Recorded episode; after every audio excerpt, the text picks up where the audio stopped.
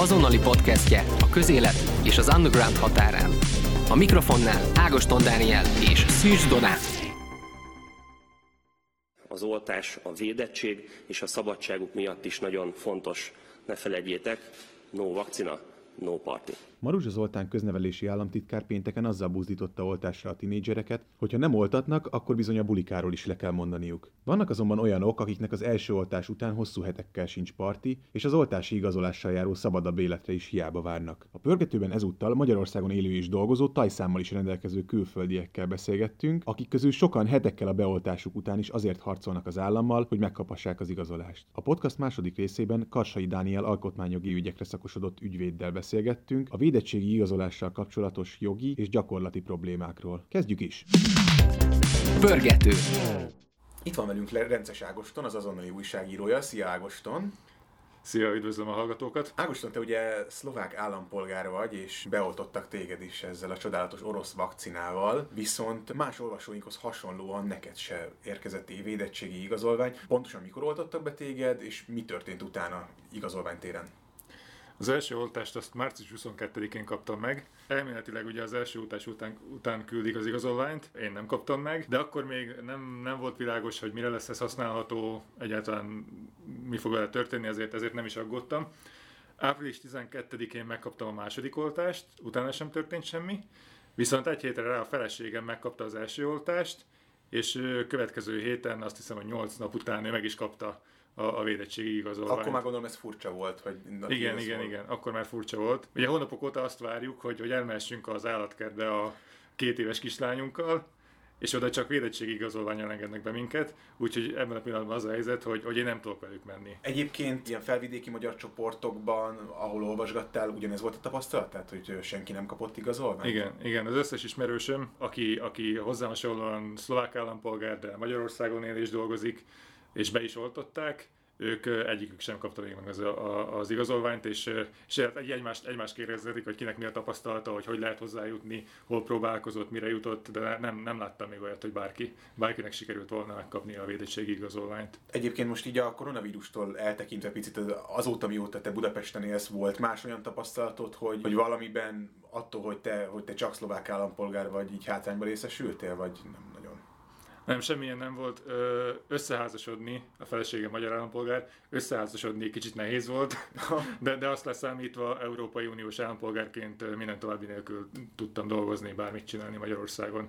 Egyedül az országgyűlési választásokon nem szavazhattam. Egyébként azután, hogy nem érkezett meg az igazolványod, úgy tudom, hogy te azért próbáltál lépéseket tenni azért, hogy, hogy ez mégis megtörténje, vagy hogy megtudj valamit ebben az ügyben. Kinek írtál, vagy kit próbáltál hívni, és mik voltak a reakciók az állam részéről? Lehet jelezni az államnak, hogyha valaki nem kapta meg a a védettségi igazolványt, vagy, vagy ugye aki antitest vizsgálattal tudja mhm. igazolni, uh-huh. hogy átesett a, a betegségen, akkor neki, neki kell kérvényeznie, és 3000 forint elnébe küldi, a, küldi az állam és ki lehet tölteni egy formanyomtatványt az ügyfélkapunk keresztül, és én ezt megtettem több mint egy héttel ezelőtt, beküldtem a formanyomtatványt, csatoltam a kis fehér papírt, amit, amit kaptam az oltáskor, ami rajta van, hogy be vagyok oltva az első-második oltás dátuma, és ezt elküldtem, de azóta semmilyen választ nem kaptam. Szándékot nem feltételeznék, inkább az adminisztrációs bénázást. Ugye a kártyán van egy, van egy rubrika a személyi igazolványnak, és személyi igazolványuk csak a magyar állampolgároknak van. Azt, azt gyanítják többen is, ahogy így, ahogy így olvasgattam, és többen azt gyanítják, hogy hogy egyszerűen, egyszerűen a személyigazolvány számot rendik hozzá a kártyához, és akinek nincs személyigazolvány száma, magyar személyigazolvány száma, az, azt azért, az azért nem tud kártyát kapni. Itt van mellettem Antal Robert István, az azonnali újságírója. Szia, Pokesz! Hello!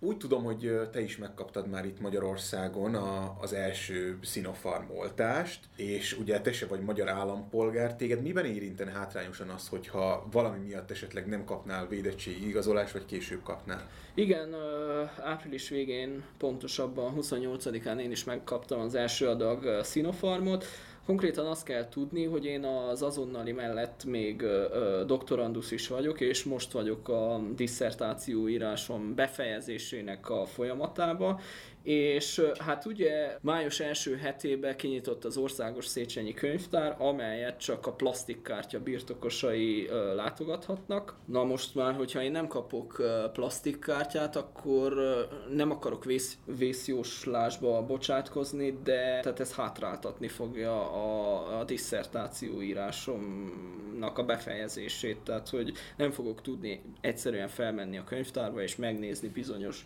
olyan folyóiratokat, amely, vagy olyan újságokat, amelyeket online nem érhettek el. A tudományos karrierem előrébb jutásában gátol az igazolvány hiánya. Egyébként más, tehát meccsre nem szoktam járni, tehát az, az, az nem tényező, vadasparkba nem fogok elmenni valószínű, igazolvány birtoklása nélkül, esetleg valami különleges engedéllyel, például, hogy te, te kimondottan kutatni mész az OSK-ba, vagy hasonlók, sehogy nem lehet bejutni? Őszintén leszek, nem néztem utána, viszont láttam fotókat, amelyet a könyvtárnak a honlapjára töltöttek fel, és a megszokott törzsolvasók mellett, tehát ö, olyan emberek, akiket én is ö, rengetegszer láttam ott, és ezek idősek. Ö, meglepő volt, hogy a fotókon fiatalok is ö, ö, szerepeltek, úgy, hát valószínűleg ők megkapták a, a, az igazolványokat. Következő vendégünk az Lorenzo Molinari, Budapesten élő élő olasz állampolgár. Szia, Lorenzo! Szia! Mondjuk én Svájcban nőttem föl, de olasz vagyok, igen. Röviden meséld már el a hallgatóknak, hogy mióta érsz Budapesten, és hogy, és hogy mit csinálsz itt nálunk. Az első szakasz az 92 2000-ig volt. Én annak idején a humanista mozgalommal jöttem ide, utána visszamentem Svájcba hat évig, és 2006 óta megint itt vagyok Magyarországon. Mikor visszajöttem, ilyen HR tanácsadóként dolgoztam, most még könyvelőként dolgozom egy svájci cégnek kint Zürichben. Nekünk több kollégánk is van az azonnalinál, aki, akinek csak külföldi állampolgársága van. Ugye van egy olyan probléma ezekkel az igazolványokkal, hogy hát itt élő külföldi állampolgároknak a tapasztalatok szerint ezt hát nem nagyon lehet megszerezni. El tudod mesélni, hogy mik a te tapasztalataid, hogy mikor kaptál oltást, és, és mi történt utána igazolvány téren veled? Április 6-án kaptam az első oltás, egy AstraZeneca, és megmondom őszintén, nem is gondoltam arra az igazolás kártyára, csak amikor nálatok olvastam egy Facebook poszton keresztül, hogy a külföldiek nem fogják megkapni, aztán elolvastam, és picit szomorú hírnek tekintettem, mert akkor minek az egész dolog. És akkor én is elkezdtem utána járni, és ilyen expat csoportokban, főleg a Facebookon de a svájci üzletközösségben is kérdeztem, hogy de hogy, hogy van, mi van. Azon túl, hogy nem kaptál kártyát, a, a, a magyar államnál próbálkoztál bármilyen módon, tehát akár e-mailt, telefont, több úton is? Igen, a, ugye rendszeresen kapok ilyen, ilyen e-maileket, hogy mi történik, meg mik a, a, a szabályok, hogy most mit szabad és mi nem szabad, és ott ebbe volt egy mondat, hogy ha ki nem kapta meg az igazolványkártya, azt írjon egy e-mail, meg is tettem, aztán az ügyfélkapon keresztül is bejelentettem, aztán le is töltöttem a, a, egy ilyen igazolvány, hogy tényleg benne vagyok a rendszerben, hogy kaptam az oltást, az az EST, vagy nem is tudom, a, ennek a rendszernek. Aztán írtam is a rendelőnek, mert valahol azt olvastam, hogy a, ki házi orvosnak kapott oltást, ott begépelték az orvosok az embernek az üt, üt, útlevel száma. És akkor megkérdeztem, hogy esetleg nálam ez hiányzik, hogy ők azt meg tudják javítani, vagy tudnak ebbe segíteni, és arra ugyanezek a linkeket kaptam a hölgytől. Bár mondjuk annak örültem, hogy nagyon gyorsan válaszolt, de ő se tudott igazándiból segíteni, úgyhogy úgy látom, hogy csak az marad, hogy ha van kedve, akkor a kormányablakhoz kell mennem személyesen, és ott kér, kérni hogy adják ide. Azt is írtad most nekünk egy e-mailbe, hogy láttad már egyes csoportokban, hogy megoldódni látszik a probléma, vagy, hogy vannak olyan expertek, akiknek ez már megoldódott. Erről mit hallottál, hogy van, akinek sikerült szerezni már? Igen, igen. Volt ilyen, aki eh, már is meg is kapta. Pont tegnap olvastam az egyik, hogy elment a, a nyugatihoz, a kormányablakhoz, és 20 perc alatt elintézte. Mondjuk ő azt mondta, hogy, hogy kértek tőle az igazolás, hogy két oltást kapott, ami picit furcsa, mert ugye mindenhol azt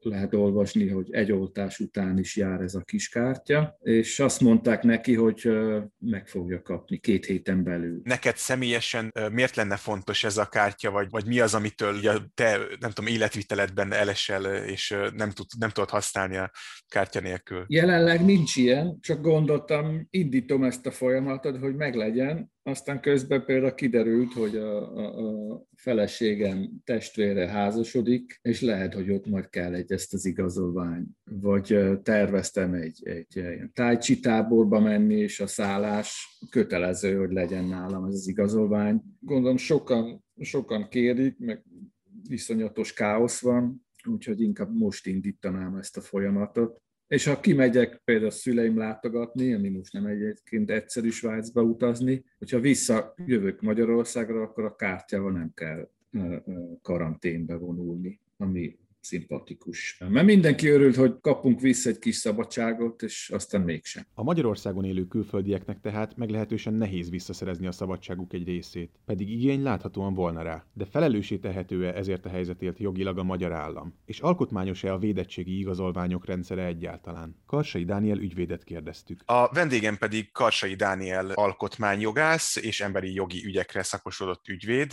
Jó napot kívánok! Jó napot kívánok! Általában szeretnék kicsit beszélgetni a védettségi érettségi igazolványokról és az azzal járó kiváltságok rendszeréről. Először általánosan hagyj kérdezzem meg az igazolványok kiadásától függetlenül, tehát az azokkal kapcsolatos problémáktól függetlenül, fölmerül-e bármilyen alkotmányos probléma vajon általában a védettségi igazolványok rendszerével ön szerint? Én úgy gondolom, hogy Ugye Daniel Kahneman, zseniális Nobel-díjas közgazdász, a viselkedési pszichológia atyának van egy klasszikus szövege, hogy amikor a kormányok egy új problémával találkoznak, akkor nagyon sok esetben valódi cizellált, statisztikai alapon működő megoldások helyett bürokratikus megoldásokba menekülnek. Úgy gondolom, hogy a védettség igazolvány legalább részben ö, ilyen megoldásnak tekinthető. Maga a plastikkártya. Ugye az, hogy bizonyos életben található lehetőségeket most egyelőre védettséghez, nem védettségigazolványhoz, hanem védettséghez kötünk, de ezt már több alkalommal elmondtam, és ez a véleményem egyelőre nem változott, mert nem látok rá okot, az nem kifogásolható önmagában egy ilyen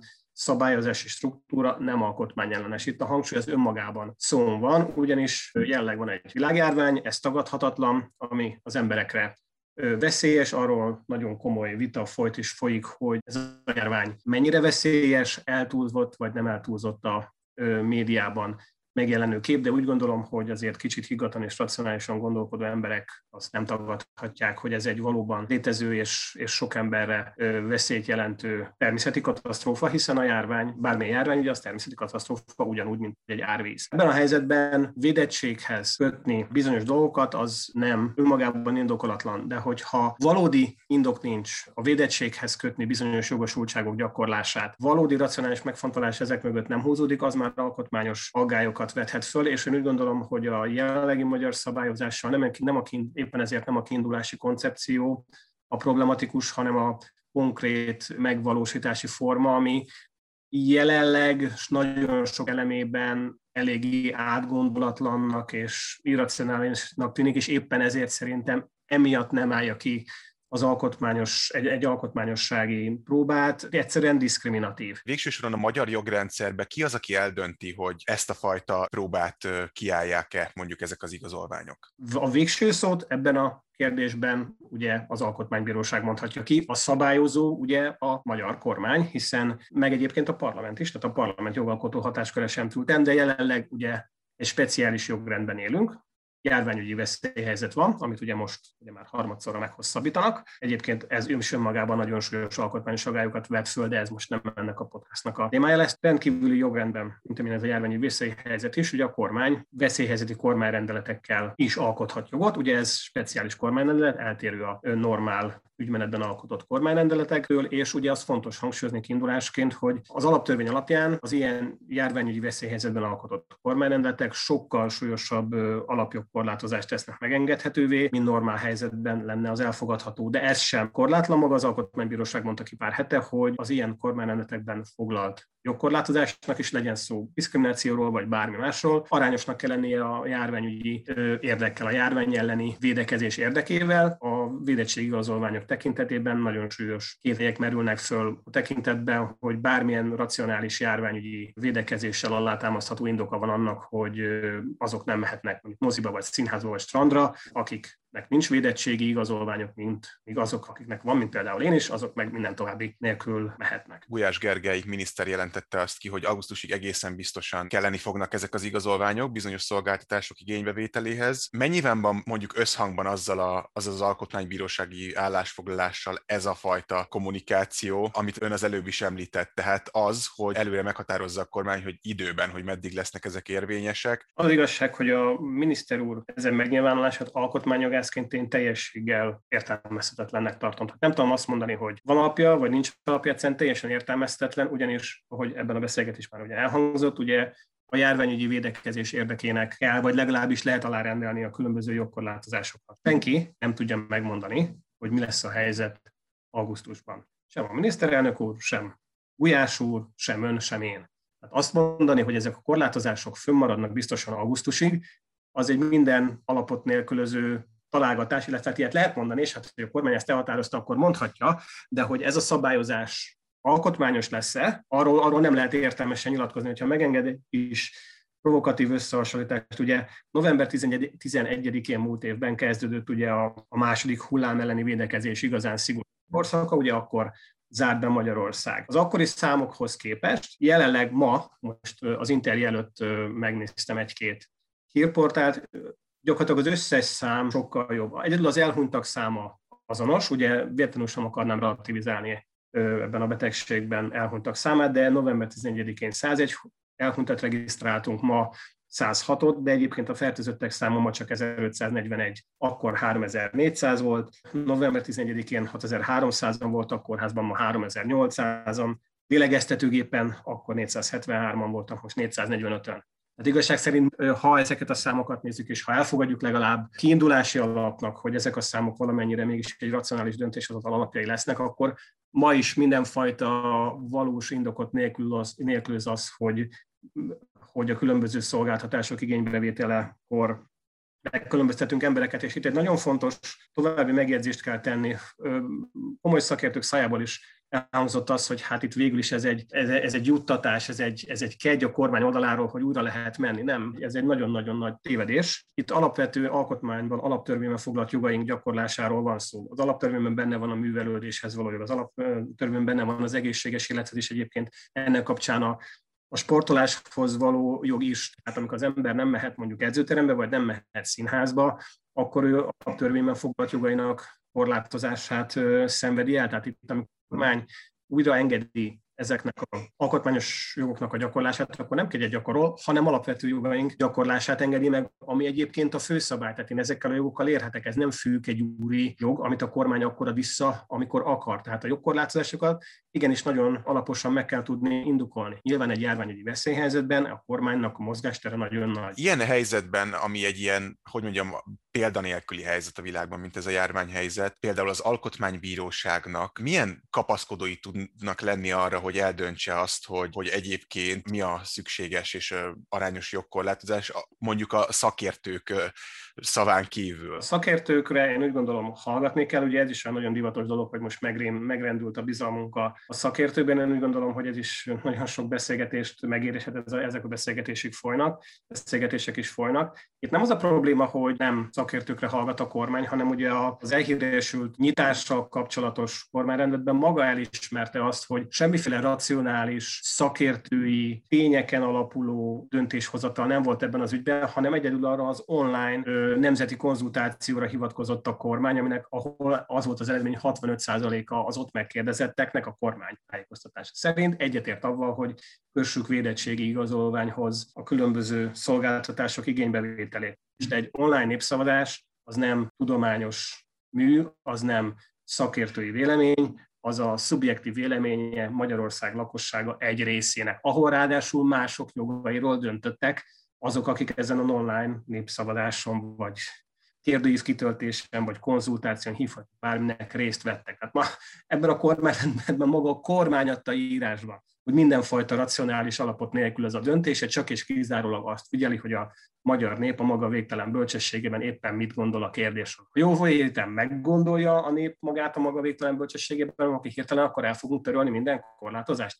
Hát ez nem alkotmányos. Önmagában megismétlem, ez a szabályozás struktúra éppen működhetne, csak hát mindenfajta racionális alapot nélkül ez sajnos úgy tűnik. Beszéljünk egy kicsit a Magyarországon élő, dolgozó, tajszámmal rendelkező akár még letelepedési engedéllyel is rendelkező külföldiek helyzetéről. Ugye a védettségi igazolványok kiadása kapcsán itt sok, sok ilyen gyakorlati probléma fölmerült késnek az igazolványok. Az ő helyzetük talán azért speciális, mert, mert úgy tűnik, hogy ők egy olyan csoport, akik, akiknek hát így a 90 vagy 95 százaléka a tapasztalatok alapján egész egyszerűen nem tud igazolványhoz jutni, annak ellenére, hogy, hogy sokukat beoltották ugye Magyarországon, rendesen regisztrálva. Mit tehet egy olyan helyzetben lévő itt élő külföldi állampolgár, aki nem kapta meg az igazolványt, mit csinálhat ő, ha jogi úton szeretné érvényesíteni a, a jogait? Egyfelől most kicsit azért megvédeném a kormányzatot, tehát egy ilyen tényleg példanélküli krízis helyzetben apróbb döccenések közigazgatás működésében lehetségesek. Én is dolgoztam államigazgatásban, jó régen, de azért van ilyen tapasztalatom, tehát itt kicsit azért mondjuk a szolidaritás is beszél belőlem, tehát hogy ha most az érintettek, jogosultak egy-két hétig, maximum mondjuk egy hónapig nem kapják meg az igazolványokat, de utána a közigazgatás összeszedi magát, és, és mindenkinek eljutatja a megfelelő igazolásokat, védettségigazolványokat, akkor úgy gondolom, hogy ez azért nem jogi, nem emberi jogi kategória, hanem a nagy kényelmetlenség, de nem lehet mindent jogi eszközökkel, és nem is kell mindent jogi eszközökkel megoldani. Ez a helyzet tovább fönnáll, és a közigazgatásnak abszolút felróható módon olyan emberek nem kapnak védettségigazolványt, és emiatt ugye hátrány szenvednek, akik egyébként teljesen jó hiszeműen jártak el, magukat beoltatták, mindent megtettek, amit a hivatalos kormányzati politika elvált tőlük, én akkor úgy gondolom, hogy akkor utána lehet jogi útra terelni az ügyet. Ugye az első és logikus lépés az, hogy ezt a szabályozást, ugye, ami nagy valószínűséggel diszkriminatív, meg kell és meg lehet támadni az alkotmánybíróság előtt alkotmányjogi panasszal. Ez bárki megteheti, akinek személyes érintettsége van az ügyben, azaz valamilyen okból nem, rendelkezik, nem rendelkezik védettségigazolvány, ez lehet az ön által említett Magyarországon teljesen legálisan tartózkodó tajszámmal, stb. rendelkező külföldiek köre, de egyébként azok is, akik a nem kötelező oltást nem adatják be maguknak, mert bármilyen úgy gondolják, hogy ők nem kívánják ezt az oltást igénybe venni. Ugye az ő esetükben is hangsúlyozni kell, hogy az, hogy mit gondolunk az ő döntésükről, az egy dolog, de az biztos, hogy ez teljesen jogszerű döntés, mert nem kötelező az oltást. Ez az érintetőkör megtámadhatja ezt a jogszabályt az alkotmánybíróságon.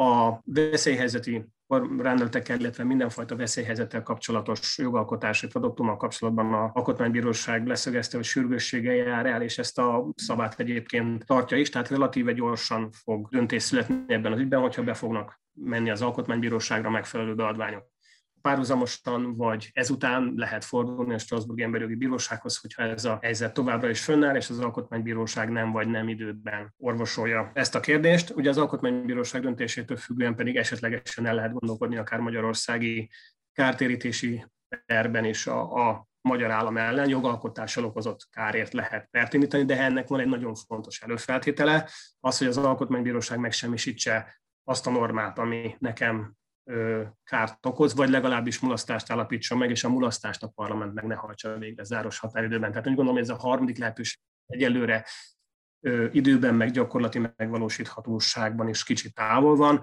A legközelebbi és logikus lépés az az, hogy az érintett tek, vagy legalábbis egy részük az alkotmánybírósághoz fordul, és aztán meglátjuk, hogy mit dönt az alkotmánybíróság. Én nagyon-nagyon nehezen látom védhetőnek ezt a, a jogszabályt egyszerűen az átgondolatlansága és irracionalitása okán, amiért kár, mert egyébként maga a szabályozási módszer az éppen működhetett is, megműködhetne is. A különleges jogrend egyébként ad-e többletjogokat a kormánynak arra, hogy extra módon megkülönböztesse a nem magyar állampolgárokat a magyar állampolgároktól? Ugye nyilván bizonyos szempontból van megkülönböztetés az oltási rendben is, tehát időseket előbb voltunk, mint nem tudom, középkorúakat, ezek nyilván egészségügyi kategóriák, de hogy ilyenfajta, tehát hogy magyar-nem magyar megkülönböztetésre ad lehetőséget ez a különleges jogrend? A különleges jogrend, ahogy kicsit korábban is említettem, általánosságban arra a jogot a kormánynak, hogy alapvető jogokat szokásostól eltérően nagyobb mértékben korlátozom. Arra nyilván nem ad Bianco felhatalmazást, hogy származás nemzetiségi alapon megkülönböztessen Magyarországon ö, tartózkodó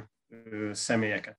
Erre így nem ad felhatalmazást, hogyha a megkülönböztetésnek van járványügyi szempontból racionális, érvelhető indoka, akkor ez a különbségtétel megállja, ki fogja állni az alkotmánybírósági ezt próbáját. De hát gyanítjuk, hogy nincs, mert hogy a hírekből tehát a médiából leszűrhető hírekből származó információk helyesek. Itt egyszerűen egy ilyen administratív tévedésről beszélünk, hogy amikor ezt a védettségi igazolványt, illetve azt támogató informatikai rendszert létrehozták, egyszerűen ebben a kérdéskörrel nem foglalkoztak, ez senkinek nem jutott eszébe, aztán most szembesülnek a problémával, és próbálják megoldani. Ez így van, bocsánat, csak közbeszólom, hogy korrektség kedvéért, hogy ugye azért vannak, akik már megkapták, tehát mi is beszéltünk olyan külföldi állampolgára, aki már megkapta, csak egyszerűen az elején egy ilyen nagyon nagy gigszer volt valószínűleg a rendszerben. Ugye nagyon nehéz egy teljes országot irányítani, meg működtetni, időről időre vannak ilyen hibák. Én azt gondolom, hogy ez tényleg nagyon kellemetlen, abszolút együtt érzek azokkal az itt élő külföldiekkel, akik tényleg mindent megtettek, bevoltatták magukat, aztán most nem tudnak elmenni az ismerőseikkel, barátuk, barátukkal, családjukkal,